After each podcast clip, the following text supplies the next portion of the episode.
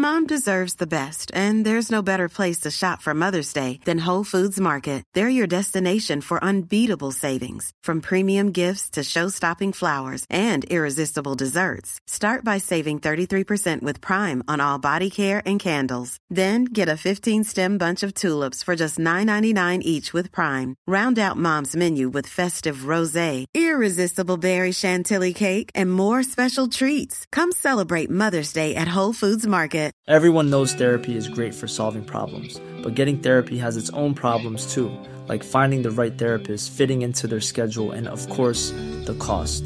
Well, BetterHelp can solve those problems. It's totally online and built around your schedule. It's surprisingly affordable too. Connect with a credentialed therapist by phone, video, or online chat, all from the comfort of your home. Visit betterhelp.com to learn more and save 10% on your first month. That's BetterHelp, H E L P. Cool fact a crocodile can't stick out its tongue. Also, you can get health insurance for a month or just under a year in some states. United Healthcare short term insurance plans, underwritten by Golden Rule Insurance Company, offer flexible, budget friendly coverage for you. Learn more at uh1.com.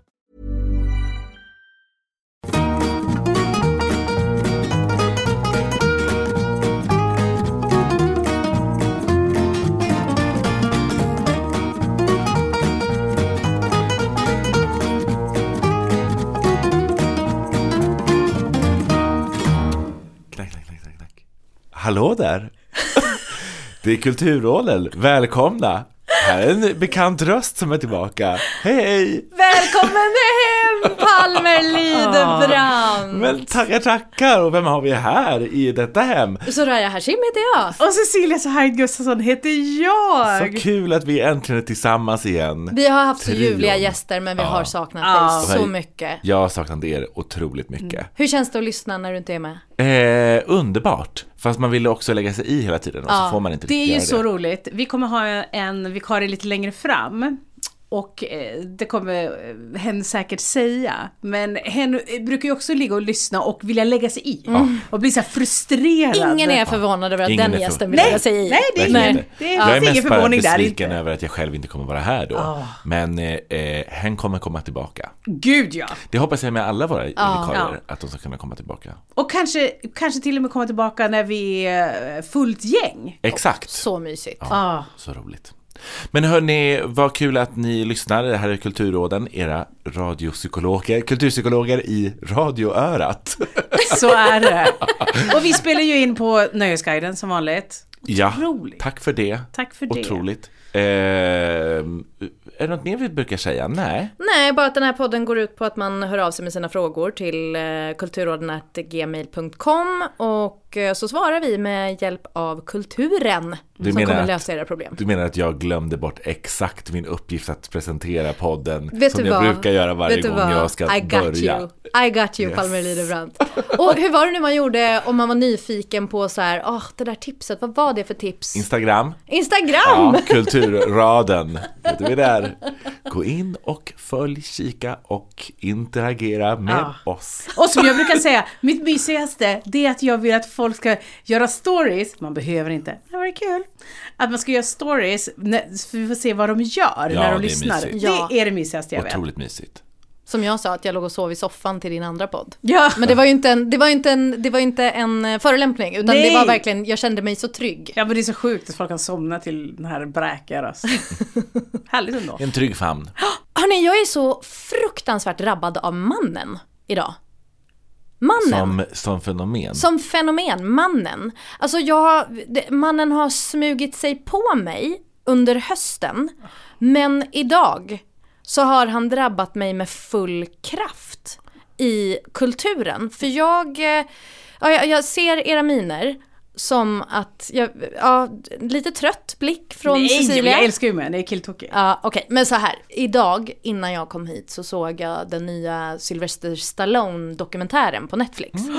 Finns det? Ja. Åh, jag älskar honom så mycket. Jag älskar honom Nej men så jag mycket. älskar Men Sylvester varför? Stallone. Du, han är... Vad Dö. är... Det, Okej göteborgaren.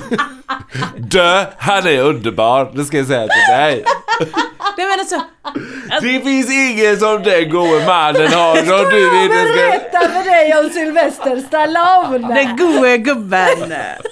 Så jävla... Det är, du sitter ju där med två exilgöteborgare. Jag vet. Som har helt tappat sin dialekt. Men det Ja. är fint att den kommer ibland. Men då och då. Då.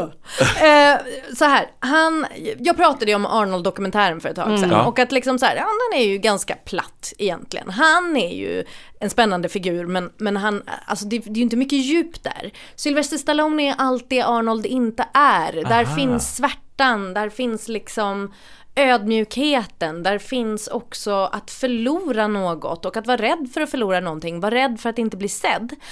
Och sättet som mannen har drabbat mig den här hösten mer än någonting är mannens relation till sin pappa som återkommit om och om och om igen. Och den är en jätteviktig del av både Arnold-dokumentären men också Sylvester-dokumentären. Men Arnold vill ju inte riktigt prata om det medan Sylvester går in i det på ett helt annat sätt. Och jag kom att tänka på pappan också när jag såg Beckham-dokumentären. Där pappan har en jätteviktig roll. Och det här är liksom... Det, jag måste bara säga med Becky, jag har ju sett den såklart. Ja. Eh, för att jag älskar Porsche Spice. Eh, och, Hon är eh, fenomenal. Hon är underbar. Underbar. Men, men det som är så intressant med den dokumentären och pappan Ja. tycker jag att det är så mycket som är osagt mellan raderna. Ja. På ett otroligt sätt. Ja, men det är liksom, det känns som att de alla har väldigt, eh, alltså de har pappor av samma stil, inte riktigt samma generation men samma stil. Där det är liksom, det är den hårda pappan som kräver väldigt mycket av dig, som är otroligt strikt och där eh, ömhetsbetygelser slösas inte med. Liksom så. Det, det är det här old school-farsan. Och det är så tydligt i alla de här tre dokumentärerna hur de här männen har blivit formade av de papporna. Och, och vissa av dem har det triggat men andra av dem är liksom ständigt på jakt efter den här pappans närhet och kärlek och eh, bekräftelse. Eh, men, men de har drivit på dem väldigt hårt. Och sen så här i förra veckan så började jag titta lite grann på Tore, den här nya svenska. Just det. Just det. Mm. Jag har inte sett hela, jag har sett två avsnitt och tycker väldigt mycket om den. Men blev så drabbad av, igen, relationen till pappan. Sonens relation till sin pappa. Att, ehm, då är det ju Peter Haber som spelar honom. Och den här pappan, Pappornas pappa. Vackraste Peter Ja. Haber. nej men, för då började jag tänka på Peter Haber som Sunes pappa. Ja, han är ju det. pappornas pappa. Han är pappornas pappa, men tänk liksom Sunes pappa, 90-talspappan. Det är en pappa, det är slarvpappan, det är liksom, har inte riktigt koll, det är inte de här ömhetsbetygelserna heller, utan det är, han är där men han är inte riktigt där och han är liksom rätt flängig och, och vad formar det för, för son liksom? En sorts son. Och sen så Tore-pappan. Som liksom håller i sitt barn, som pussar sitt barn, som säger jag älskar dig, älskar dig, älskar dig, älskar dig till honom. Som liksom verkligen så här håller honom nära och inte är rädd för att visa det här mjuka. Och jag vet inte, jag känner någon slags hopp om, om liksom den nya pappan men också någon sorg för, för den äldre generationen som har vuxit upp med, med det där där de inte fick det, där de inte har fått det där mjuka. Jag är drabbad av papporna. Daddy issues. Ja, men ja, ja, uppenbarligen. Ja, absolut. Men jag vet inte, det är någonting. Jag satt och tittade på den här Sylvester-dokumentären och han pratar liksom om, om, om hur han i hela sitt liv, även nu, bara går omkring och vill ha bekräftelse från sin pappa. Jag grät. Jag blev så drabbad. Men det är väl någonting med de här männen som man, jag tänker både som med Beckham och med Sylvester Stallone, att det är väl något med de här männen som man har sett eh, eller vuxit upp med på något sätt. Eh, och speciellt tänker jag för mig då, jag älskar ju Sylvester Stallone för att jag älskade Rocky-filmerna jätte, jättemycket. För att inte tala om min absoluta favoritfilm Tango and Cash. Wow! Vad är det för någon? Vad är det? Berätta! Tango and Cash är en otrolig eh, Den nämndes film. inte i dokumentären kan jag ju säga. Nej, det förstår jag. Det är en film eh, där eh, Sylvester Stallone spelar mot Kurt Russell. Och de eh, hamnar i fängelset. Bla bla. En, action, en klassisk actionfilm. Men det finns så mycket roliga one-liners den. Och det var min favoritfilm när jag var i tonåren. Såg den, jag har säkert sett den eh, 25 gånger. Minst. Underbart. Mm. Nej, men, så, så jag tänker också att det är så fint att de på något sätt på eh, ålderns höst på något sätt gör upp med sin relation till pappan. För att det Ja. har ofta varit, tycker jag, alltså pojken och mamman, säger jag nu som kulturpsykoterapeut. Eh, att liksom det här eh, Oidipuskomplexet har ju liksom funnits väldigt länge, alltså män och deras relation till mamman. Eh, så jag tycker det är fint att nu har liksom pappan ändå kommit in jag kan inte säga värmen, för att de har ju ofta ganska komplicerad relation till sina fäder. Verkligen, och Sylvesters pappa är ju elak. Alltså han är ju inte bara våldsam utan han är ju elak och saboterar med flit för Sylvester flera gånger och tävlar mot Sylvester, mot sitt eget barn. Liksom. När, när Sylvester Stallone har precis släppt Rocky-filmen, då hör pappan av sig till regissören och säger så här, men jag har, så, jag har också skrivit en Rocky-film, den heter Sonny.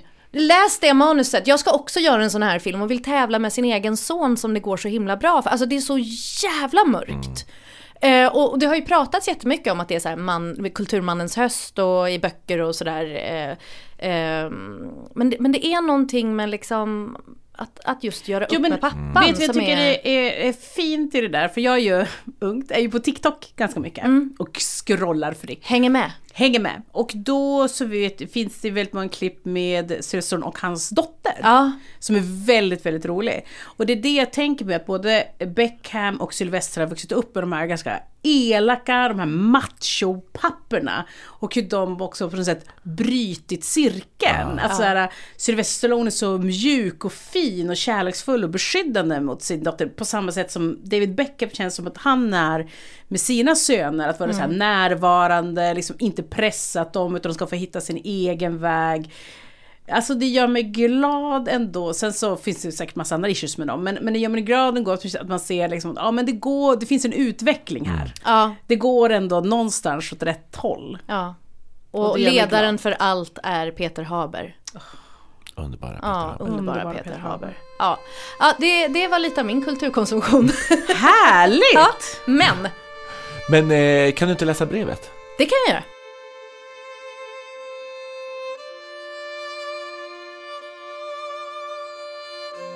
Hej Kulturråden! Jag skulle vilja ha er hjälp.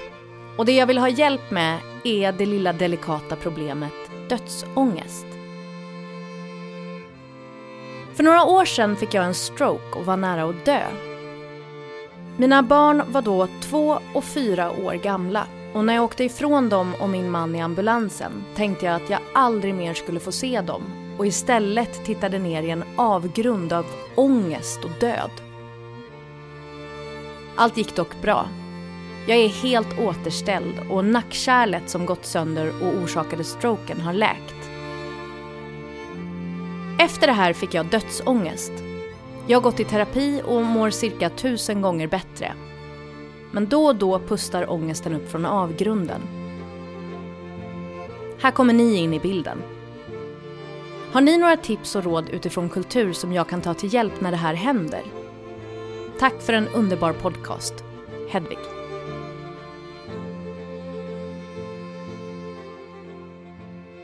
Hej Hedvig. Jag tänker att jag kommer börja någonstans och prata om mig själv. och min egen dödsångest. Jag har ju också väldigt mycket dödsångest. Jag vet inte hur ni ligger på skalan, medel, min, Aktiv. max. Den är ständigt aktiv. Alltså... Ja, den är aktiv. Den är aktiv. Ja. Eh, jag eh, växte upp med gamla föräldrar. Mina föräldrar var ungefär kanske 10, nästan 15 år äldre än mina kompisars föräldrar. Vilket gjorde att redan som barn så hade jag den där liksom dödsångesten. Att jag har, har sedan barn förberett mig på att mina föräldrar kommer dö. Och att de kommer dö mycket tidigare än mina kompisars föräldrar. Så var inte fallet. De lever fortfarande, men de är ju 3000 år gamla. Och min pappa fick en stroke eh, 2005. När han, precis innan han skulle gå i pension. Pen, pen, pension, pension. Pension, ja. Eh, Och jag var hemma när det hände. Fast jag förstod inte riktigt eh, att han fick en stroke. Eh, och eh, det var av en slump jag var hemma ska sägas. Och jag hamnade också i en, ett ganska stort chocktillstånd som pågick under flera dagar.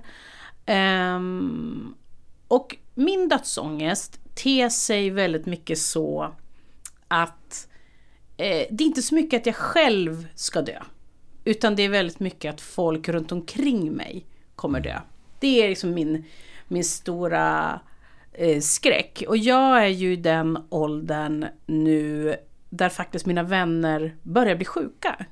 Att de faktiskt får de här cancerbeskeden till exempel. Och det är eh, otroligt självupptaget att, att tänka hur det här påverkar mig. Men det är ofrånkomligt. Ja, när en av det mina närmaste verkligen. vänner eh, jag kommer att vi sitter och pratar och hon säger jag har någonting i mitt bröst. Jag ska bara kolla upp vad det är.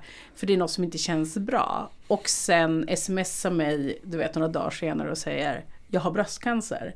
Det är liksom en sån, en, det är verkligen den här, jag förstår liksom Hedvigs känsla av att man bara stirrar på något sätt ner i avgrunden.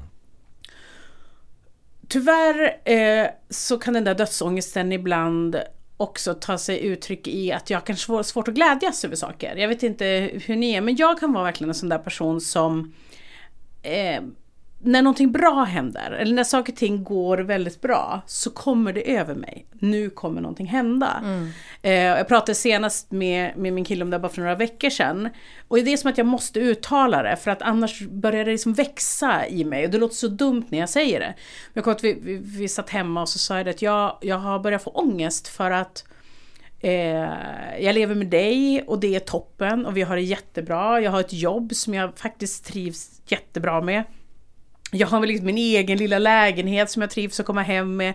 Jag har liksom en 3000 år gammal hund som fortfarande lever och stapplar på. Och jag har mina föräldrar som, som lever.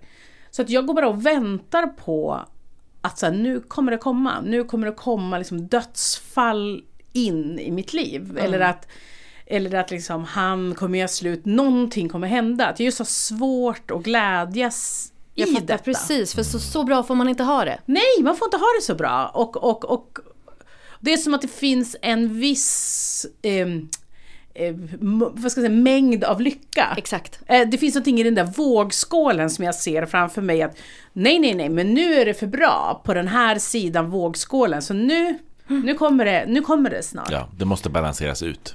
Verkligen, verkligen. Och det var under en eh, period när jag var i 20, runt 20-årsåldern när några av mina vänner gick bort av liksom diverse olika olyckor och droger och liknande. Och då blev också så här, livet så skört att jag tänkte här, det finns liksom ingen, ingen mening. Att det, det kan liksom ryckas undan så snabbt från en vilket gör att man blir V- vad är meningen? Förstår du? Vad är meningen att jag ska investera allt det här i mitt liv? Och sen, eller min kompis liv, och sen en dag så råkar han stå på ett tak för att titta på en solnedgång och sen ramlar han ner och så finns han inte mer. Det är liksom, det, det är orättvist. Hur, hur kan ett liv fortgå så? Eh, I somras så lä... och Just det, så här ska jag säga. Nu, kom, nu tänker folk, nu ska vi tipsa om feel good. Kommer absolut inte göra. Tvärtom Hedvig. Du kommer liksom tyvärr eh, dyka ner i en känslostorm. Men jag tänker att det kan vara bra. Eh, därför att livet är ju liksom en del av någonting större och ett liv ryms det så mycket. Så jag vill prata om ett litet liv.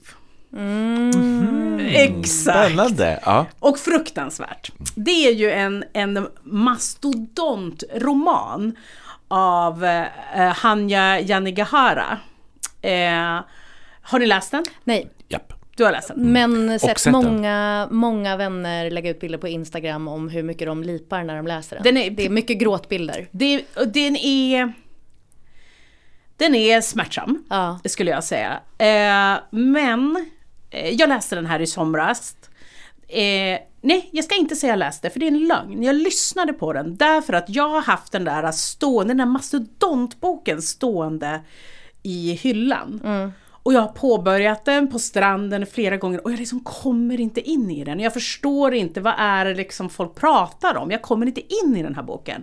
Och om Hedvig har läst den så vill jag säga läs den igen. Med liksom nya ögon. För den stod där länge och sen en dag så såg jag att den dök upp på min ljudbok. Och så tänkte jag, okej jag kör ljudboken, vi får se vad det blir. Jag rekommenderar ljudboken, det är inte alltid jag gör det eh, och man känner sig i- olojal kan jag känna mig ibland när jag rekommenderar ljud, ljudböcker mot liksom författare för jag vet att det gynnar inte deras kassa direkt. Eh, Men man kan köpa ett ex och lyssna på den. Det kan man Precis. göra. Köp, kan man göra. Därför att jag har nämligen gjort både och eh, efter detta. Eh, att, att både läst stycken ur den och lyssnat på den, för Ah. jag tycker att den var så stark. Eh, I den svenska ljudboken så är det min absoluta favorituppläsare Ludvig Josefsson som läser. Vet ni vem det är? Nej. Eh, han, eh, bland annat, om man lyssnar, någon gång lyssnar på Creepy-podden, Mm. så gör han inte Jack Werners röst. Vem gör den? Utan han gör. De är ju ofta bara två som läser. Det är ofta en kvinna som jag tror är hans fru. Alltså Ludvig Josefssons fru. Och så är det Ludvig Josefsson och så är det Jack Werner. Så han har den här lite lugna, fina... eh, Jag tror att det är Erland Josefssons son. Skåde, eh, skådespelaren. Eh, och det här är ju en mastodontroman. Det är liksom verkligen så här den stora berättelsen. Man får följa de här fyra vännerna i New York eh, och deras liv och den spänner liksom över flera decennier. Och det är eh, JB, Malcolm, Wilhelm och Jude. Och man kan säga att liksom hela eh, berättelsen kretsar runt Jude. Eh, Jude St. Jude Saint Francis. Eh, och han är ju då liksom romanens huvudperson. Han är den här ambitiösa, briljanta advokaten. Men han har ett väldigt mörkt förflutet. Och han lider av en kronisk smärta i sin kropp och rygg och på grund av en fruktansvärd olycka som han, som han inte vill prata om. Man får veta i boken sen hur den här olyckan kommit till. Och han har ett så här enormt olöst barndomstrauma. Som genom boken sakta, sakta luckras upp. Och de är det här gänget då att Wilhelm, han är liksom en svensk ättling faktiskt. Han heter Wilhelm Ragnarsson. Ragnarsson. Ja, Ragnarsson, precis. Och han är liksom en kämpande skådis som det går ganska klagdigt för. Men liksom med tiden eh, avancerar mer och mer. Han Eh, till skillnad från Judo som aldrig berättar någonting om sin barndom, man vet inte så mycket så Wilhelm kommer från en sån här klassisk lantbruksfamilj, det är ganska kargt och hårt, man liksom uppskattar inte kulturen på samma sätt. Och, ehm, eh, och liksom sakta men säkert så liksom växer hans fame verkligen. Och Jude och Wilhelm är väldigt nära varandra och blir närmare och närmare genom bokens gång. Och de är nä- mer nära vänner än vad Malcolm och JB är i den här före boken. Och Malcolm Irvine som det heter, han är den här kända arkitekten, han kommer från en jättevälbärgad familj, försöker hela tiden, apropå pappan, imponera på sin pappa. Och, och liksom på något sätt ändå, han bor fortfarande hemma. Och skäms lite grann över det, att han är så beroende av sina rika föräldrar. Och jobbar så här, han vill egentligen vara eh, jag arbetar mycket mer kreativt men arbetar på den här liksom, arkitektfirman. Och sen har vi JB då som är eh, konstnären i, i i kompisgänget. Som till skillnad från de andra har en ganska bra familjerelation med en haitisk mamma som liksom älskar honom och han har fått uppleva mycket kärlek. Och det har nästan på något sätt också gjort honom ganska självupptagen. För att han kan också tycka så här, om jag hade levt Judes liv eh, så hade min konst blivit mycket bättre. Och, Åh, jag är, förlåt jag avbryter dig, men jag är så... Eh, Ah. är du JB? Jag är, jag tycker Justice for JB väldigt mycket. Jag tycker att han eh, blir så oförtjänat eh, nedskriven Ja, han blir otroligt i boken. ja. Eh, förlåt, jag avbröt dig Nej, jag vill att du Men jag som inte har läst boken, eh, hur skulle du beskriva honom? Nej men jag skulle beskriva honom exakt så. Men det är väldigt spännande, alltså deras relationer också väldigt mycket i den här kompisgänget. Så eh, är det inte riktigt någon som eh, bryr sig om honom. På det sättet som de bryr sig om de andra Ja. i den här eh, Varför gör de inte det? kvartetten. Eh, För att han är lite så eh, självupptagen, kanske lite så här, jag behöver väl inte er, men han behöver det. Ja. Och han söker den där bekräftelsen hos dem hela tiden, men han får inte den. Jag tror också att han inte det är som en, lit- det är som en lillebror typ. Ja, och jag tror inte att han får den just därför jag tror att de ser på honom, han har fått mycket kärlek, han har fått den här tryggheten, han har fått den här uppmuntran eh, att jobba med konst, att jobba med det kreativa. Så det finns, så det är de här fyra vännerna man följer. Eh, det finns väldigt många, eh, vad ska man säga, klipp på TikTok där man får följa folk när de läser boken. Eh, och hur, de bör- hur de börjar med så här, äntligen har jag fått en liten live, ska jag kasta mig in i den? Klipp till så här, de sitter och hulkgråter, japp, japp, japp. mår fruktansvärt. Och folk säger, jag önskar att jag aldrig läste den här boken för att det finns ett före och ett efter. Varför vill jag då att Hedvig ska läsa den här fruktansvärda boken som får den att skapa de här känslorna? För mig, eh, när jag lyssnade då på den här boken, så kom jag på mig själv, den, är, den har fruktansvärda stycken i den ska sägas. Den är, den är tung i perioder. Eh, jag vet att det finns en kritik mot den, att den nästan är liksom att den gottar sig i det tunga. Jag pratade faktiskt med, om den här boken med Mats Strandberg som författare som har varit här. Som liksom verkligen känner att ja, men det är väldigt mycket så här att gotta sig i det, det på något sätt mörka. Väldigt Misären. Mycket. Misären. Verkligen. Ja, men ja, för mig så blev det snarare att jag, när jag hade lyssnat klart på den, att jag verkligen kände så här. Det här är ju också ett liv. Att ett liv innehåller, deras vänskap är så stark. Fast de i perioder är långt ifrån varandra. Deras... ehm, så har de ändå en anknytning till varandra. Jag tittar på hur de har vuxit upp, deras familjerelationer, deras drömmar, vad de längtar efter. Det finns någonting att följa dessa, det någonting i flera decennier. Och man förstår på något sätt, vad innehåller ett liv egentligen? Det, och, och, och den är mörk, men jag vill att Hedda ska läsa den med nya ögon om hon har läst den. Och det är viktigt i början att man Eh, för den är lite långsam i början och det är lite för att eh, man ska börja lära känna karaktärerna.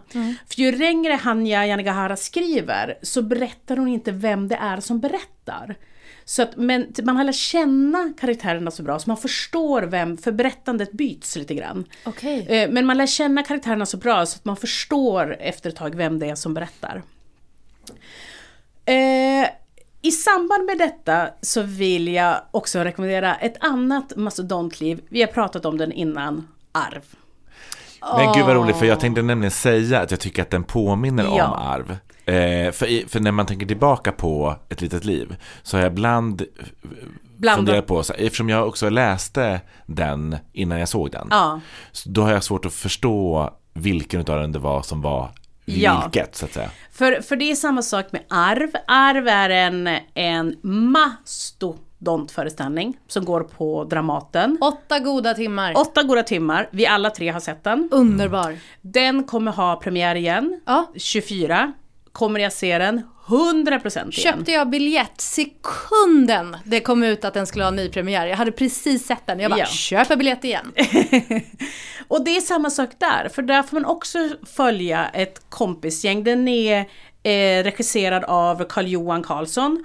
Och det är Matthew Lopez som har skrivit eh, själva, eh, han är dramatikern. Och det är exakt samma sak där, det är liksom en, också en episk berättelse som är åtta timmar lång. Man får möta ett antal homosexuella män i New York. Här möts liksom den yngre, eh, yngre generationen får möta den som liksom tror på frihet och sex och fri kärlek och verkligen allt det där. De har lämnat sina småstäder bakom sig. De får äntligen komma till New York. De får verkligen leva ut den, de de är. Medans då eh, så får man också möta den äldre generationen när de överlever aids-epidemin eh, och liksom hela förtrycket som ett samhälle eh, som, som de får möta i ett, i ett samhälle. Och det är liksom är en otrolig berättelse. Jag hade väldigt mycket fördomar innan jag skulle se den. För jag trodde verkligen att det var så här, "Ha, nu kommer man få möta så här En kille kommer, hoppar av på busshållplatsen på eh, Penn Station. Har bara 10 dollar på sin ficka och Ja. en resväska i handen och tittar upp mot skyn. Exakt. Han är Maria. Han, ja men verkligen. Och så här, eh, take me New York, wherever you are. Eh, men det var verkligen inte så, utan det, det är samma sak där. Man får följa ett liv, verkligen. Från början till slut. Och jag blev också så tagen av den, för den var exakt samma känsla med mig. Så här, det här är ett liv. Och på samma sätt som jag kan, jag kan verkligen sakna Jude, och jag kan sakna Wilhelm, och jag kan sakna Malcolm och JB. Och jag kan också sakna karaktärerna, Toby etc. i i arv. Jag längtar att träffa dem igen. Ja. Och berätta för mig om det här livet. Även om det är sorgligt, även om det är fruktansvärt. Så finns det också så mycket drömmar, så mycket känslor, så mycket kärlek till varandra. Så att jag blir helt tagen när jag tänker på det. Jag ska också säga att eh, Savoy Theatre i London har ju sagt, satt upp ett litet liv Ja, som föreställning. Eh, och den sänds, den, den sänds även på bio. Eh, jag vet att Bio Rio har visat den och jag vet att Biograf Roy i Göteborg har visat den. Och den kommer upp lite ibland då och då på Folkets bio. Den blir alltid utsåld, jättefort. Men jag kan tänka mig att håll koll på din stad, googla lite då och då för den kommer komma upp. Har du sett den? jag har sett den på Bio Aspen. Bio Aspen. Hur var den? Eh, det var Den är spännande. ju svår att göra kan jag Ja, men mig. jag tyckte att det, det är svårt med filmad teater överhuvudtaget. Mm. Men eh, bra gjort. Alltså det var väldigt, ehm, de har eh, också, alltså det kan också vara så svårt med teater när det är naket. Mm.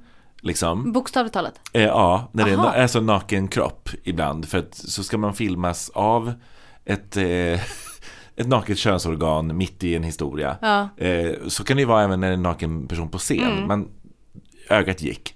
Eh, och, eh, eh, men där... Även i arv? Eh, Är det även i arv. Men, naket? det, men det sker inte i Nej. den här, för de liksom, det är väldigt mycket med vilka vinklar de gör och så här, det är väldigt fint. Det är väldigt spännande att jag såg sen Happy Valley efteråt, eh, den här serien som finns på SVT Play, som också är en brittisk serie, eh, om en poliskvinna i någon liten stad i, känner ni till den här? Nej. Kolla på den innan den försvinner, jag tror tre säsonger, otroligt bra. Där är liksom Vart finns den? eh, SVT Play. Åh herregud. Måste hem och se direkt. Eh, där är the bad guy spelar Jude. Ah. Så det tog mig liksom en, okej, spännande så. Eh, Men vilket bra tips att liksom Men se en pjäs. Läs först. ja, läs först och sen Mm, eh, Läs titta. eller lyssna först Ja. och sen eh, se om du kan hitta pjäsen. Skitbra tips. Också bra för då har man lite motivation att ta sig igenom boken eh, snabbt. Mm. För att, Eh, för att kan du, det, när du väl liksom kommer in i den, jag liksom längtade hem för att jag bara skulle få tillbringa tid med Jude och Malcolm och JB och så här, att bara liksom få känna dem. Så Hedvig, liksom dyk ner i de här liven och du kommer gråta, du kommer må dåligt, men du kommer också bli uppfylld av eh, vad ett liv faktiskt är.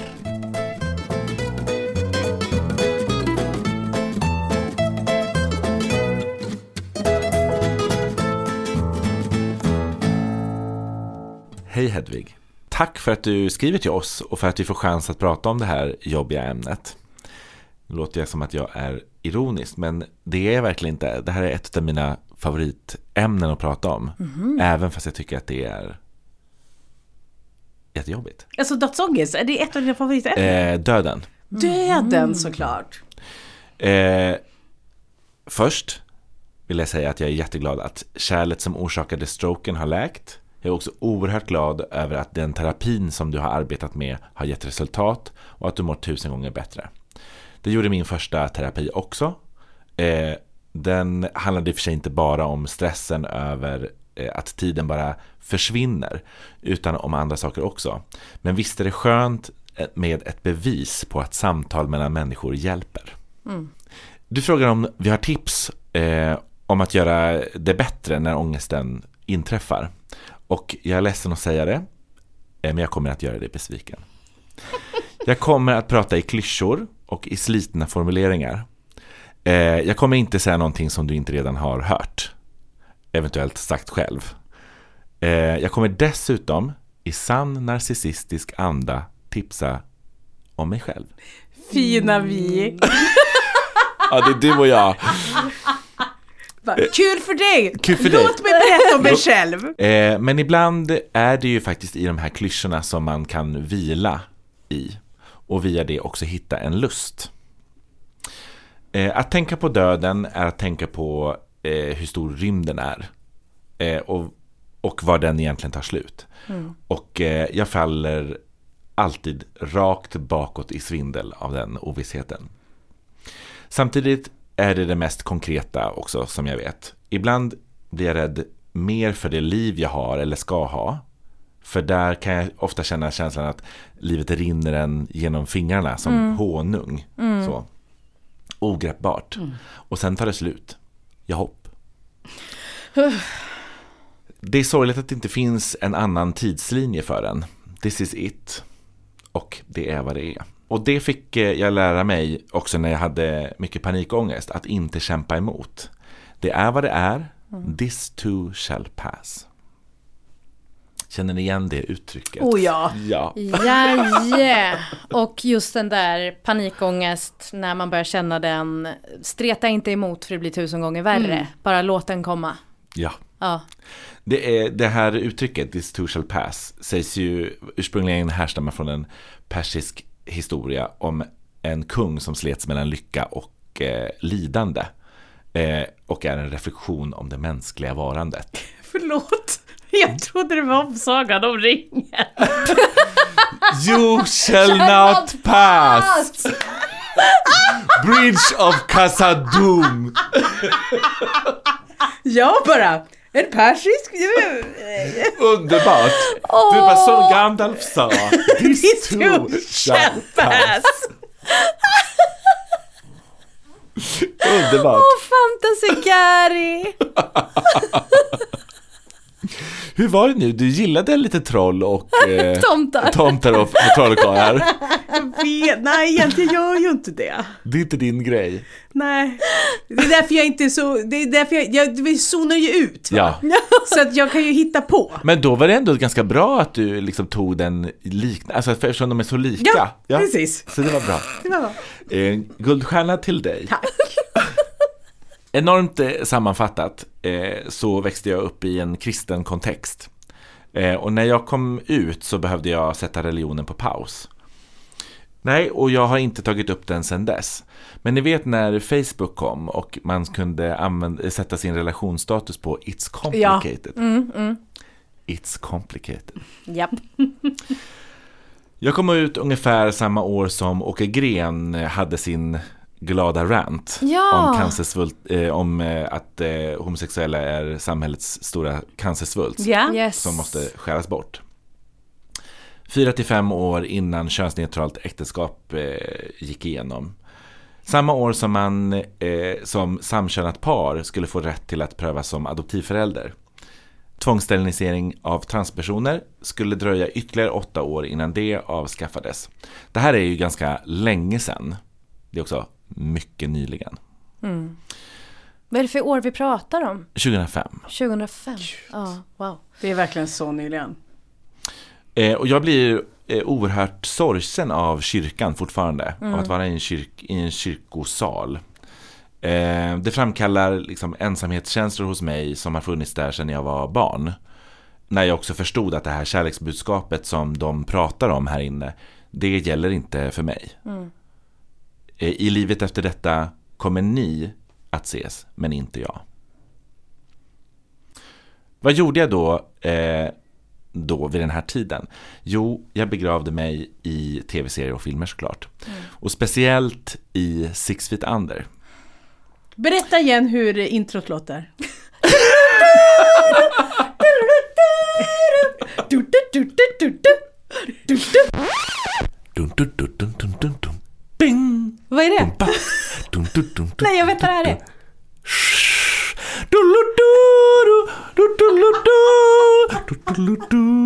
Det kommer en kiss. Det är Six Feet Under. Jaha. Mm, didn't care for it. Ursäkta, stäng av! Du gjorde ändå ganska bra tycker jag. Men jag är ledsen att göra er besvikna. Jag, jag kommer inte ha förmågan att prata om Six Feet Under eh, idag. Inte just nu. Någon gång under den här, eh, i den här podden kommer det hända. Men det kommer bli ett annat avsnitt längre fram. Vi kan säga att den precis har kommit till Netflix. Ja, Ehm, titta på den så att ni kan följa med nästa gång jag ska ha avsnitt för avsnitt. Men jag tror att den hela en tiden har 53 funnits på. HBO, men att den Ja. också finns på Netflix. Ja. Kanske nu jag ska ta mig an den. Ja men den är, det. Cecilia den är otrolig. Du ska det. Den är otrolig.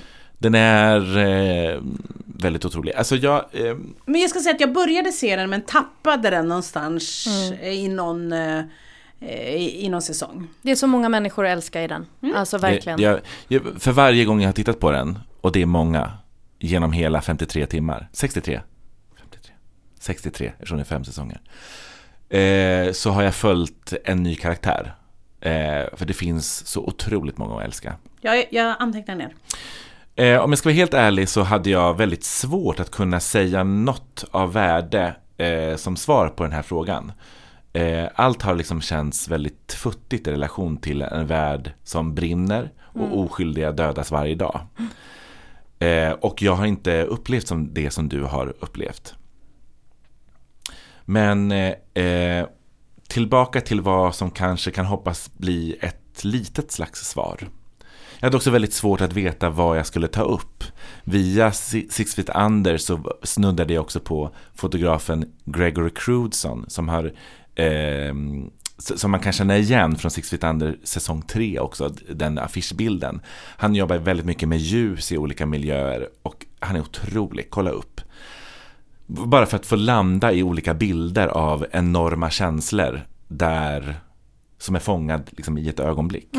Men det blev så här istället.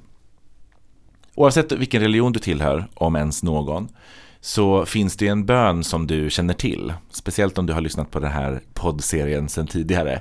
Eh, trogna lyssnare har hört Lina Thomsgård prata om den i avsnittet om en körig mamma. Det är sinnesrobönen. Eh, vill du kan du stryka Gud, eh, men så här går den. Gud, ge mig sinnesro att acceptera det jag inte kan förändra. Mod att förändra det jag kan och, förstå, och förstånd att inse skillnaden. Hur hamnade jag här då? Att prata om bibelverser och ord från kristna skrifter. Jag har ju precis pratat om att jag har pausat religion. Det finns en otroligt vacker intervju med Stephen Colbert av eh, Anderson Cooper. Där de pratar om sorg efter att ha förlorat sina, båda sina pappor när de var tio. Och hur de har hanterat sorg över tid. Eh, de pratar också lite om Gud, men man behöver inte fastna vid det om man inte vill. Anderson, Anderson kanske man ska säga, citerar Steven, eh, som vid ett annat tillfälle har sagt You, you have learned in your words, love the things that I most wish didn't happen. I didn't learn it that I was grateful for the thing I most wish hadn't happened is that I realized it. Is that and it's a it's an odd oddly guilty feeling It, it doesn't mean you I don't want I don't want it to have happened. I want it to not have happened. Right. But if you are grateful for your life, which I think is a positive thing to do, um, not everybody is, Right. and not, I'm not always, um, but it's the most positive thing to do. Then you have to be grateful for all of it. You, it's, you can't pick and choose what you're grateful for. And then, so what do you get from loss? You get awareness of other people's loss. Well, that's true. Empathy. Which allows you to connect with that other person. Right. Which allows you to love more deeply and to understand what it's like to be a human being, if it's true that all humans suffer. Right. And so, at a young age, I suffered something so that by the time I was in serious relationships in my life with friends or with my wife or with my children, is that I have some understanding that everybody is suffering. And however imperfectly, acknowledge their suffering and to connect with them and to love them in a deep way that not only accepts that all of us suffer, but also then makes you grateful for the fact that you have suffered so that you can know that about other people. And that's that's what I mean. It's It's about the fu- fullness of your humanity. What's the point of being here and being human if you can't be the most human you can be? I'm not saying best, because you're going to be a bad person and a most human. I want to be the most human I can be. And that involves acknowledging and ultimately being grateful for the things that I wish didn't happen because they gave me a gift. Ja, men jag känner också ja och nej. Alltså så här, för att, nej men för att det är någonting med liksom, ja det är klart när det gått så där många år så har man kanske utrymme att vara tacksam på ett sätt för, för er, liksom, vad man har lärt sig av det. Samtidigt som jag tänker att mycket med, med att vara rädd för döden är också att vilja slåss mot döden. Att Ja. liksom, ehm, nej du ska inte hit liksom, du ska inte in i den här dörren för att man, man, man vill ju inte ha den. Man vill inte att den ska nå någon. Liksom. Jag tänker att man kanske inte behöver vara eh, tacksam över den. Man kanske också bara kan acceptera den. Ja. Att det är det. Att det är liksom, det är ju någonting också när amerikaner pratar om tacksamhet. Ja. Som gör att man bara okej. Eh, och speciellt då när jag. Mm. precis har kanske pratat lite om religion innan. Ehm, det blir eh, det blir vad det blir så att säga. Men eh, man kanske inte behöver vara tacksam över smärtor man har gått igenom. Men det finns, det finns Men det är ju klart, går man igenom en smärta som är så stor så, så måste man ju också hitta sina sätt att inte make sense of it. Men ni förstår vad jag menar, att ändå liksom ta någonting från det och för att man Ja. måste också gå vidare. Ja, liksom. för jag tänker att det, det, hand, för det där jobbar jag väldigt mycket med och jag kan tänka mig att Hedvig beroende på den terapiformen hon har gått med. Så att ibland så måste man ju när man har mycket dödsångest koppla på det logiska tänkandet. Ja. Ja. Ehm, att, att så här, vänta nu. Eh, för att liksom inte hamna i det där hålet, tänker jag. Jag tänker att det han egentligen säger också är ju precis den där klyschan av att eh, jag skulle inte ångra någonting i livet, det har ju gjort mig till den jag är. Ja. Och det är därför har jag rustats med, med vissa förmågor att kunna möta livet på ett visst sätt. Precis. Och inte med andra, men de kanske kommer senare och sådär. Att det mer handlar om det än att ehm, vara fast i att, nå- att man har utsatts för någonting. Ja. Eller liksom varit kvar i den sorgen och smärtan. Ja. Och, och att, att, ja men lite som när jag tänker på dem som jag, som jag tipsade om att, att eh, det, en del av livet, eller liksom som berömda filosofen Schopenhauer sa, att en del av livet är ju lidande. Eh, Det, det är ju, Var det inte Gandalf som sa det? kanske, Frodo. Frodo. Nej men liksom att, att, att på samma sätt som att det finns ja, men kärlek och så finns det sorg och på samma sätt som det finns liksom glädje så finns det lidande. Alltså det, det är ofrånkomligt. Ehm, jag fortsätter på eh, klyschans öppna dörrar. Älskar det. Ett annat eh, bibelord, Oj, ett alltså annat du, bibelord som är välkänt för de flesta, oavsett om man är troende eller ej, det är ju eh, det här mantrat som har sagts av många människor. Det är, eh, och du ska ta det som en uppmaning, det är första Korinterbrevet, vers 13. När allt annat går under finns det tre saker ändå kvar. Tron, hoppet och kärleken. Men störst av, av dem är kärleken. Jag inspireras väldigt ofta av tanter och gubbar. Eh, och när de berättar om sina livshistorier. Det är lite som ett plåster på dödsångestsåret. Eh, för att man får veta väldigt mycket att livet innehåller så otroligt många kapitel.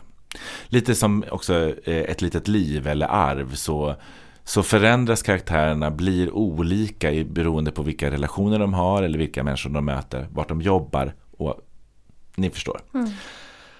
Ehm, och några av mina favorit eh, eh, tanter och gubbar eh, har jag ju lyssnat på i poddvärlden. Är det inte Aina som ringer in till Kristina Lugn i Allvarligt talat och pratar om sin, eh, sitt liv och hur, hur hon ska hantera sin dödsångest. Jag tror att det är avsnitt fyra, alltså i första säsongen av Allvarligt talat.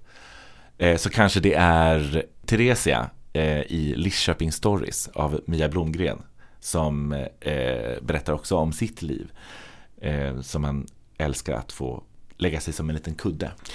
Det var också därför som jag många, för många år sedan i en begynnande livskris gjorde 30 intervjuer till en egen ihopsnickrad poddserie som hette Queer Story. Och eh, att säga att det är tanter och gubbar är väl att ta i. Eh, jag tror att den yngsta kanske också är 30 som är med där. Så det är inte, Jättegammal. jättegammal gubbe. Eh, men där fick vi, där liksom försökte intervjua eh, då olika hbtqi-personer som har varit med och format den queera historien. Hur deras liv har sett ut, att den liksom har varit eh, kanske spikrak, jättekrokig. Det har liksom varit eh, glädje och sorg, eh, smärta och eh, enorm kärlek. Många av de personerna som jag intervjuat där har ju också mött döden på ett eller annat sätt. Eh, och kan berätta liksom väldigt mycket hur de har förhållit sig till eh, att vara så nära den. Tron på att saker går att förändra och hoppet om att saker kommer förändras. Och kärleken är störst och det är den som gör att människor kommer samman och protesterar. Det är den som gör att man orkar kämpa. Det är kärleken som gör att vi vill förstå varandra, få nya perspektiv. Eh, det är också kärleken som gör att vi blir tacksamma. Och det du ska minnas när du kommer in i de här tankespiralerna, att vara tacksam till är ju kärleken till dina vänner, dina medmänniskor, mot dina barn och människan som du möter på gatan som ber om en femma. Och det är ju tillsammans som vi kommer ur de här djupa hålen utav ångest. Det är genom att prata med vännerna, pussa på dina barn, det är att skratta och det är att få tillbaka lusten.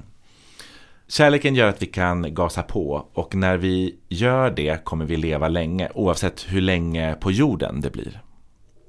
Mitt kulturtips då är en låt. Det är Love Out of Lust med Lykke Li. Där texten går så här. We will live longer than I will. We will be better than I was. We can cross rivers with our will. We can do better than I can. So dance while you can. Dance cause you must. Love out of lust.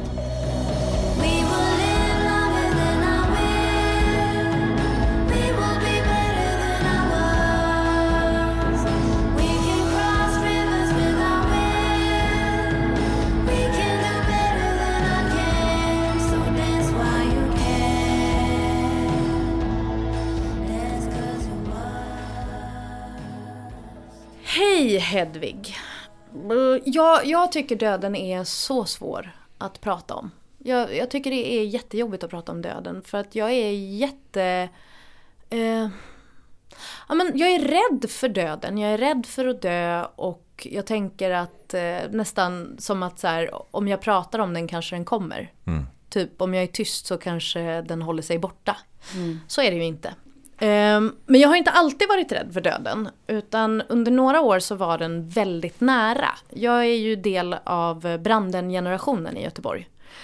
Ehm, och dels var det ju det, då var ju döden väldigt nära när det hände. Ehm, och eh, det påverkade ju hela stan. Alltså, jag har aldrig i mitt liv hört en tystnad som morgonen efter branden i Göteborg. Fruktansvärt.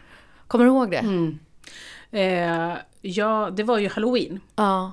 Eh, det, det var ju Backabranden kallas den ju också för. Eh, jag, som, som tur var, de var ju in, in, ni var ju yngre än jag, de som hängde där. Så att jag hade nog aldrig varit på den festen. Men, men jag var i Härnösand när det hände. Och jag minns min mamma väckte mig på morgonen. Och, och liksom var så lycklig över att jag låg liksom i mitt gamla flickrum och sov den gången.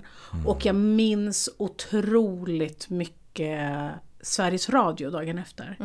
Eh, de ändrade ju alla sina sändningar. Eh, och bara pratade om branden, pratade om, de ändrade hela musiklistan, tog bort vissa låtar, men det var också väldigt mycket så här lugn musik.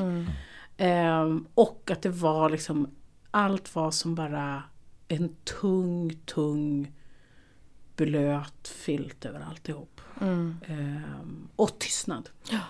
Vi, jag blev också väckt av min mamma eh, den morgonen. Jättetidigt på morgonen väckte hon mig. För jag tror hon hade fått ett samtal från någon släkting utomlands ifrån.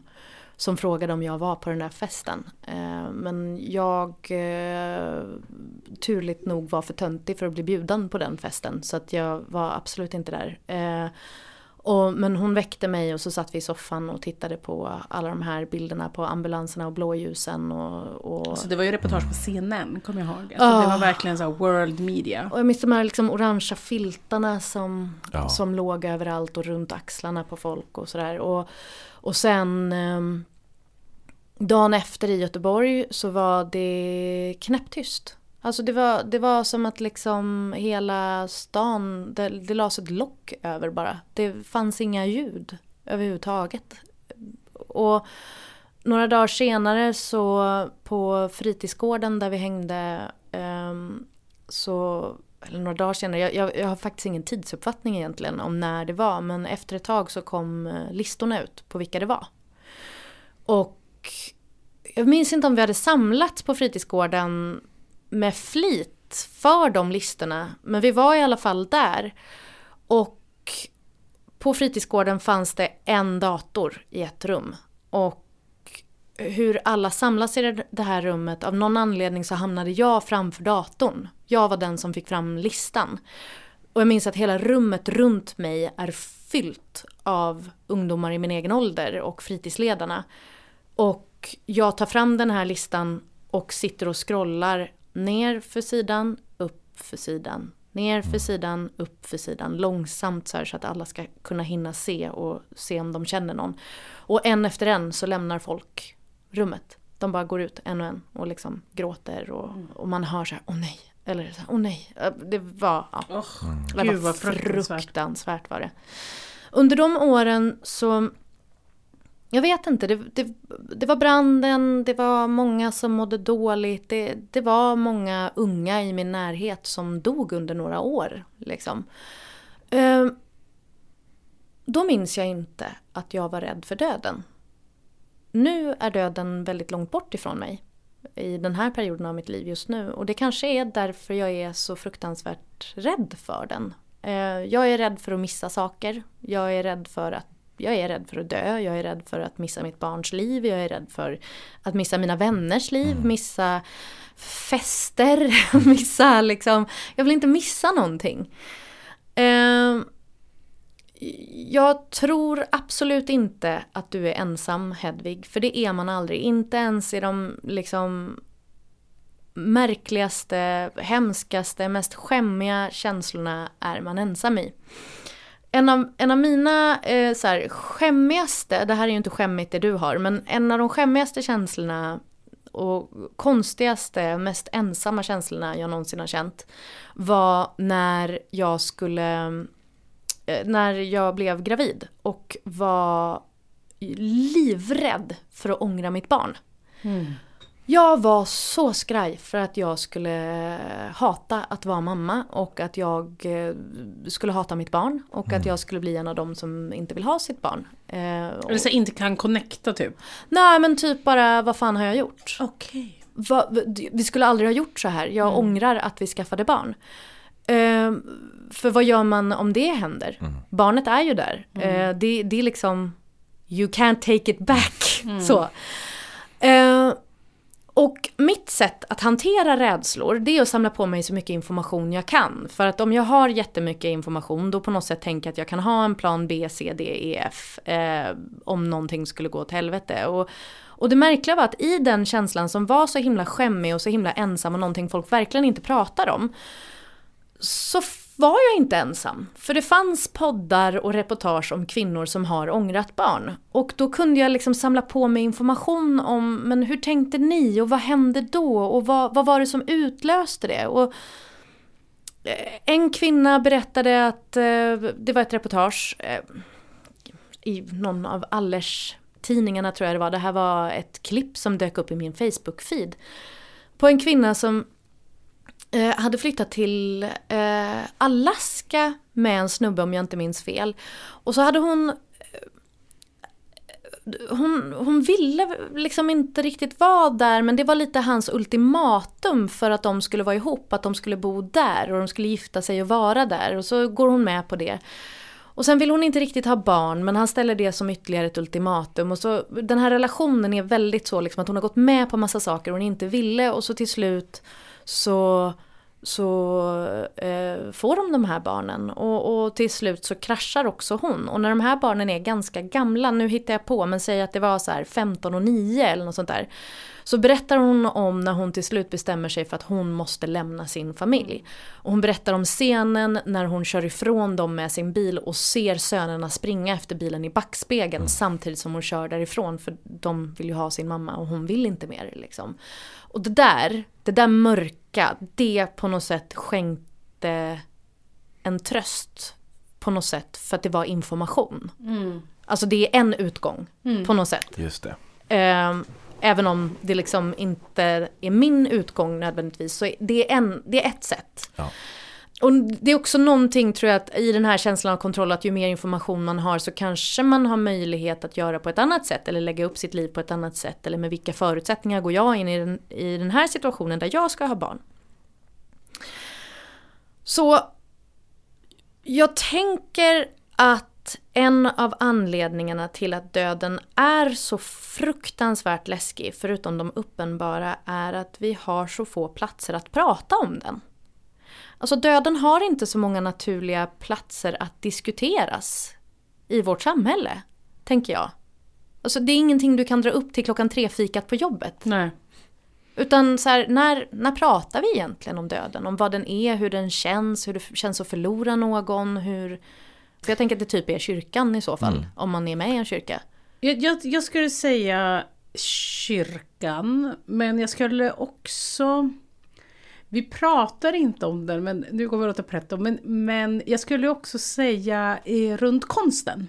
Ja. Eh, för jag, jag tänker att döden är någonting som liksom samtidskonsten, eh, alltså döden, livet, samtidskonsten på något sätt eh, ägnar sig åt. Eh, och det tycker jag är spännande, jag, som går på mycket föreställningar med så här, tillhörande publiksamtal eller Ja. tillhörande när man går på jag rekommenderar, jag vet du har också rekommenderat det, att antingen ta de här ljudgrejerna när man går på utställningar. Men jag rekommenderar också att gå på guided visningar inom samtidskonst. För många kan ha ganska svårt att ta sig an samtidskonst. Men jag skulle säga att liksom många av de muse- de moderna museerna, eller samtida museerna eller konsthallarna eh, har väldigt bra pedagoger som kan prata med samtidskonsten. Och där kan jag ofta hitta liksom ett utrymme att prata just om livet och döden. Ja. Och det är liksom förgängliga och det är så mycket konst som också gör upp med antingen liksom det förflutna eller det som kommer framför en eller det som gör upp med liksom, det är kanske den dystopiska framtiden vi lever i nu. Men jag tycker det är svårt för att jag tycker ehm, jag tycker inte heller att det finns riktigt de där ehm, kontaktytorna. Jag har programlagt en föreställning som jag inte kan berätta om för den är hemlig. Eh, som, som hanterar döden. Som ska ut på turné. Och då så pratar vi om den med några så här unga i vårat, på Riksteaterns unga nätverk. Där, där liksom en, en del säger vi att det finns något tabu med att prata om döden. Och då är det så fint för att de unga i det här unga nätverket, Riksteaterns unga nätverk, sa så här, jag tycker inte alls det är tabu att prata om döden. De bara, vi pratar om det hela tiden. Och då tänker jag så här, otroligt! Att de unga tycker att de pratar och är väldigt närvarande döden ofta. Och jag tänker så här, vad spännande! Jag tror faktiskt att de pratar om döden väldigt mycket i sina vardagsmöten på ett sätt som kanske min generation, eller vår generation, inte gör. Så det blev jag glad över faktiskt. Ja men för jag tänker också faran i att man inte pratar om döden är ju också att man man kan ha ganska svårt att hantera den när den dyker upp hos andra. Alltså så här, det kan, många pratar ju om när de har förlorat någon att, att folk inte vet hur de ska bete sig runt den. Och jag känner verkligen att jag är en sån som inte riktigt vet hur jag ska bete mig Ja. runt. Och jag skäms jättemycket för det. För jag försöker verkligen vara en bra vän. Men i den situationen vet jag inte riktigt vad jag ska göra. Precis, döden eller olyckor. Jag minns när min pappa fick sin stroke. Ja. Och jag drog honom i en rullstol. Och så, eh, det här var precis ganska nyligen, då såg jag liksom att eh, grannar till oss bytte sida. Ja. De ville inte möta min pappa. Och det, det, jag blev som, då blev jag arg för jag tyckte att det var så... Men nu förstår jag att det handlade jättemycket om att så här, rädslan av att säga fel. Jag tror att det handlar jättemycket om det. Rädslan av att uppträda fel, säga fel, säga för mycket. När min kompis nu fick cancer, då var jag verkligen tvungen att säga till henne. Och jag vet inte riktigt, jag bara, jag kan inte tänka på att du kanske kommer dö. Jag kan inte gå in i den tanken, men jag måste säga det rakt ut, för det är min mest förbjudna tanke. Och då var det så skönt att hon var så här, jag måste tänka på det. För jag har barn, jag har någonting. Ja. Men att vi kunde verkligen prata om det så, på så sätt. Men det är jättesvårt. Men jag tänker att det är just för att vi inte har de här... Alltså det är ju jättebra att det finns i konsten, men även konsten är ju så här... Den är, den är ju någonting som sker inuti en. Det jag efterlyser är det här samtalet, liksom face to face. Någonstans. Men det som var häftigt med Six Feet Under eh, när den kom i USA, alltså hade eh, det här är fritt från minnet verkligen, men då eh, har jag för mig också att, att eh, så, eh, vad säger man, anmälningar till Vita arkivet helt plötsligt sköt i höjden. Och att just för att man tog bort tabu, eh, tabustämpeln kring att prata om sin egen död och också andras död. Helt plötsligt så kunde man mötas i den här, eh, liksom, eh, någon vågade prata om det. Och då kunde man relatera till det eller inte relatera till det. Och då fanns det. Precis. Jag har ju pratat om det med mina föräldrar. Eh, De, vi har ju gjort Vita arkivet ihop. Jag och min, Ah, frukt, fruktansvärt var det. De, mina föräldrar också har, har en väldigt sund inställning till döden. För att de är 3000 år. De säger alltid så här, varje dag är en bonus, vi har levt världens bästa liv. Och det är jätteskönt att höra. Men de på riktigt satte mig i bilen och körde till kyrkogården och var så här, här, här vill vi ligga. Eh, lite på höjd så vi ser ut. Eh, och det är sol. Du vet. Och de Men det är något lite fint i det, jag gillar det. Ja, ja, ja. Och det var väldigt skönt för mig, för nu vet vi. Vi behöver inte spekulera. Nej. Eh, Där och då, eh, makabert och jag grät. Men vi brukar skoja väldigt mycket om så här, när de kommer tillbaka som djur, vad kommer de komma tillbaka för djur då? Så här, pappa är här, jag kommer vara en älg, mamma säger nej, nog mer rådjur. du vet, så här. Och det är, så här, vilket- det är fint att kunna prata med det om sina, med sina föräldrar. Ja men verkligen. Och, och jag, ja, jag vet inte, jag, det kanske är någonting, det är ju ingen som kommer servera den lösningen. Man får Nej. väl bara liksom ta tag Ta i det den. själv och bara börja prata lite om, om döden. Det är ju en trend också att, eh, eh, läste jag någonstans, att göra sina egna begravningslistor. Eh, alltså på Spotify. Jag har ju en sen gammalt. Ja, Jag och eh, min kompis Li har, har eh, gjort varsin och Har du en begravningslåt? Eh, jag har en lista. Ja, men du har inte en låt som kommer spelas i kyrkan? Eh, jo, eh, alltså jag har hela proceduren Ja. eh, uttänkt hur jag skulle vilja ha det. Eh, och det, det ger mig jätte, en jättelugn. Det är fint att den är där. Och man kan byta ut någon låt. Nu är det det här som gäller. ja, ja nej, men det, det är jättefint samtidigt som jag känner den här dubbelheten. Att så här, men jag tänker inte dö. Nej, jag ska inte det. och det, ja, nej. Usch, jag fick ångest nu när du sa så Palme. Varför då? Nej men eh, för att jag kan inte tänka på att du inte, inte kommer finnas.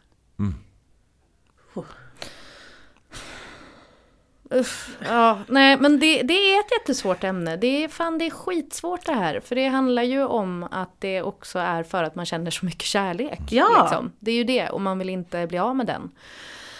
Ehm, men när det gäller såna här svåra ämnen och just det här, det man inte pratar om, då tycker jag podden är ett så otroligt bra format. För att det är liksom, igen det här, vi har pratat om det förut, det som är nära öronen, det här intima, det kommer så nära.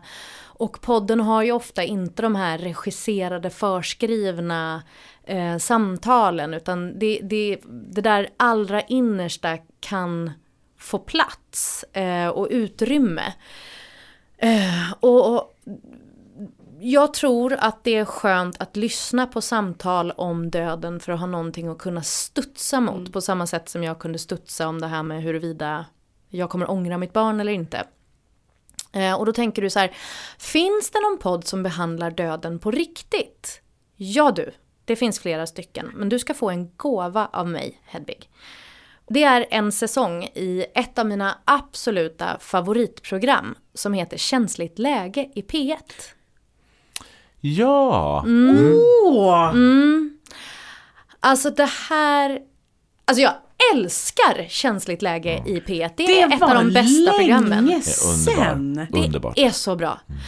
Ehm, jag tycker känsligt läge generellt är väldigt välgjort och så otroligt bra på att varsamt hantera människors känslor men ta dem på allvar. Varje säsong har ett tema och en säsong är på typ sex avsnitt. Och de har behandlat teman som kroppen, släkten, män, arbetsplatsen. Programledare har varit Klara Simmergren och Per Naroskin.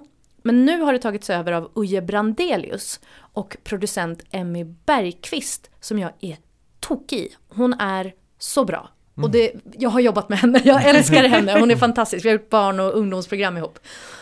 Eh, och den här senaste säsongen som de har gjort handlar om döden.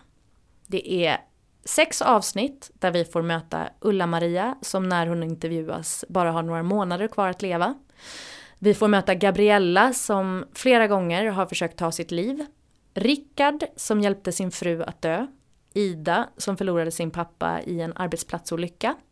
Polisen Olavi som sköt ihjäl en person i tjänsten. Och Ujes barn som pratar om hur de skulle känna om Uje dog.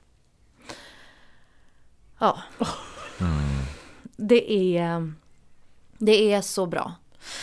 Sättet som de har gjort de flesta av de här avsnitten är att Emmy och Uje åker hem till de här personerna och har ett nära samtal med dem hemma hos dem. Vilket skapar en helt annan Ja. närhet än när du tar in någon i en radiostudio. För då är det liksom så här, men välkommen hem till mig, här är kaffe, här är wienerbröd, här bor jag, här bodde vi tillsammans, jag och min fru eller liksom vad det nu än är.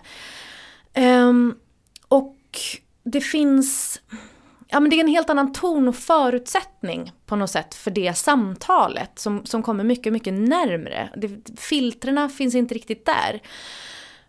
Och jag älskar hur det här hantverket går till i programmet. Alltså det, det är liksom inte, det är inte bara ett radioprogram utan det, det är sånt hantverk i det här programmet. Emmy, som jag gissar är den som har klippt det, har låtit tystnaderna finnas kvar väldigt mycket i de här samtalen. Vilket gör att eh, ja, men man, man får följa med intervjupersonerna på resan medan de liksom lever igenom det som har hänt. Men jag hinner också reflektera, jag hinner också vila i det. För det, det går till på ett ganska lugnt sätt. Jag blir inte rädd för döden på samma sätt när jag hör de här personerna prata om det. Till exempel när de pratar med Rickard som hjälpte sin fru att dö så eh, Uje har ett sätt när han intervjuar. Han, han har liksom en mjukhet och en nyfikenhet på samma gång som på något sätt tillåter honom att ställa frågor som Alltså jag hade aldrig klarat av att ställa vissa av de frågorna som han ställer. Jag, jag hade inte fixat att säga de här sakerna. Men sättet han gör det på är så mjukt och snällt. Att han ju faktiskt får svar på exakt det man egentligen vill veta. Precis det där man är nyfiken på. Det får han fram, men han gör det på ett sånt varsamt och fint sätt.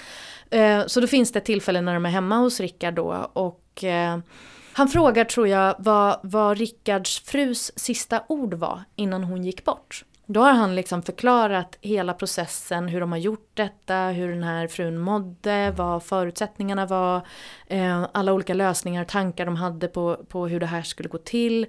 Eh, vad han känner när han ser sin fru lida av all smärta hon har. Och så frågar Uje, vad var hennes sista ord? Och Rickard blir tyst och man hör honom andas och så hör man också en klocka i köket. Så hör man liksom klockslagen gå. Och det, det, liksom, det bara tickar på. Och det får ticka. Och det får vila i den där tystnaden. Och man hör honom liksom ta sats. Om han ska berätta, ska han inte berätta? Och så till slut säger han det. Så ja, jag sprutade in det där i henne och eh, hon var borta på ja, under en minut. Vad var det sista ni sa till varandra?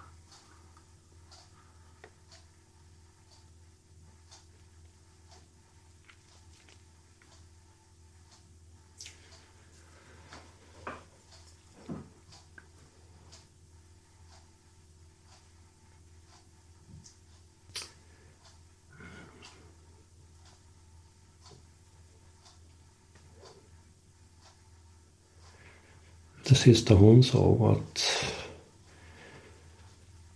nu känner jag. Jag känner. Det var en sån oerhörd... Det var en sån oerhörd lättnad i hennes röst den gången.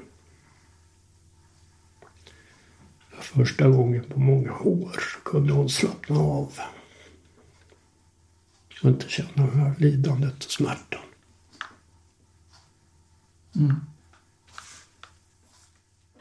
Och det, det är det där, alltså det är den där stämningen. Det är så respektfullt, så varsamt, så fint gjort. Och, och jag tänker att för mig som är så fruktansvärt rädd för döden, när jag, det neutraliserar min rädsla. Alltså för att de går in i det allra djupaste. Och, och jag tror att det kanske på ett sätt kan, kan ge dig en tröst Hedvig i det. Att liksom bara följa med i deras berättelser, ha någonting att studsa mot. Även om de här personerna i programmet inte varit med om exakt det du går igenom så kommer du hitta beröringspunkter tror jag. Och du kommer säkert känna igen dig i någonting och kunna ta spjärn mot. Och eh, Emmy berättade, jag ringde faktiskt henne och frågade eh, så här, hur gör ni programmet? Hur kan det vara så jävla bra? Och så sa hon att, jo men jag börjar ju göra research redan på våren när vi spelar in det på hösten. Så hon, hon lägger fruktansvärt mycket tid på att, eh, att hitta de här personerna som verkligen kan berätta de här sakerna. Och hon berättade att efter de hade sänt den här säsongen om, om döden så var det jättemånga som hörde av sig. Jättemånga som ville berätta om sina erfarenheter av döden. För exakt det där du sa Palmer om hur Six Feet Under öppnade en lucka, det gjorde de också. De har fått så mycket brev från människor som känner igen sig, som, som vill berätta sin version, som känner att nej men så, så var det inte för mig, för mig är det så här. Och jag vet inte, det, det, känsligt läge kanske kan vara den lägerelden lite grann. Eh, och jag vill verkligen att även den som inte går igenom det du går igenom Hedvig också lyssnar på det programmet. För det är, alltså, det är en juvel till radioprogram. Emmy sa också att eh, nästa säsong kommer väldigt snart. Den 22 november har de premiär på nya säsongen och den ska handla om minnet. Och då var det tydligen bland annat en av de som hörde av sig efter Döden-programmet eh, som ville prata om minnet av någon han har förlorat som ska vara med i liksom nya säsongen som de hittar på det sättet. Så ja, nej men jag tänker att förhoppningsvis ju mer information vi dödsrädda har desto liksom lättare blir det att hantera. Ehm, testa!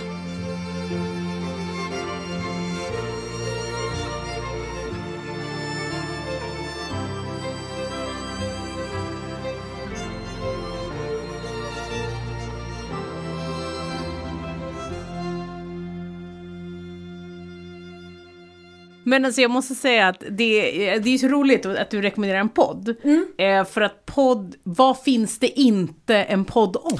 Ja. Och, jag- och jag älskar det! Ja. Jag älskar det! Och sen är det såklart högt och lågt och diverse bra inspelningar. Jag har ju liksom verkligen börjat grotta in mer och mer liksom på den amerikanska sidan. Att jag liksom i min eh, poddapp slår in liksom ett tema eller någonting sånt och så får jag liksom tipsen från, och det, då är det ju mycket så amerikanska poddar. Det finns en amerikansk podd eh, om döden.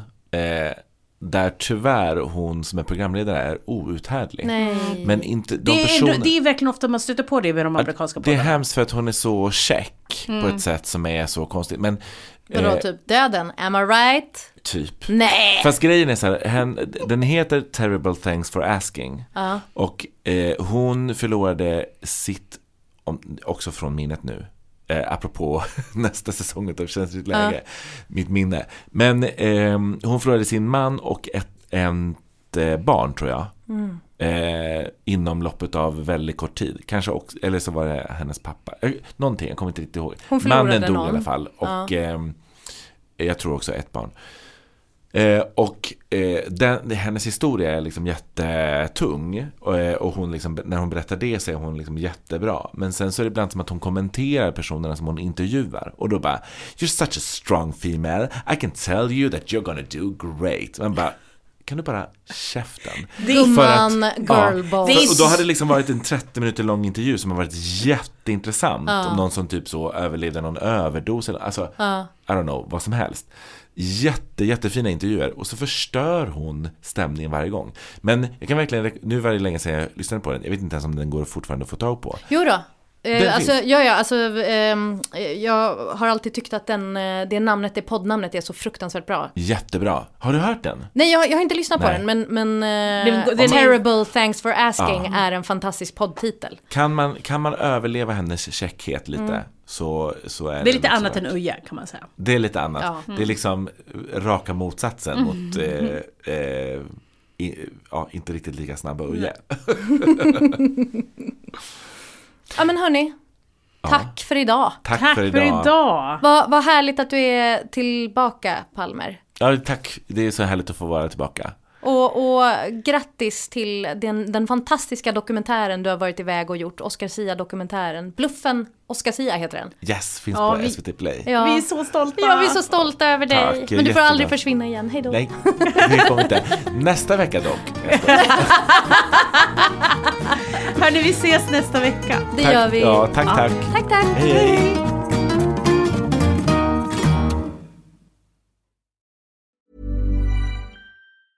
Mom deserves the best, and there's no better place to shop for Mother's Day than Whole Foods Market. They're your destination for unbeatable savings, from premium gifts to show-stopping flowers and irresistible desserts. Start by saving 33% with Prime on all body care and candles. Then get a 15-stem bunch of tulips for just $9.99 each with Prime. Round out Mom's menu with festive rosé, irresistible berry chantilly cake, and more special treats. Come celebrate Mother's Day at Whole Foods Market. Planning for your next trip? Elevate your travel style with Quince. Quince has all the jet setting essentials you'll want for your next getaway, like European linen, premium luggage options, buttery soft Italian leather bags, and so much more. And is all priced at 50 to 80% less than similar brands. Plus, Quince only works with factories that use safe and ethical manufacturing practices. Pack your bags with high-quality essentials you'll be wearing for vacations to come with Quince. Go to quince.com slash pack for free shipping and 365-day returns.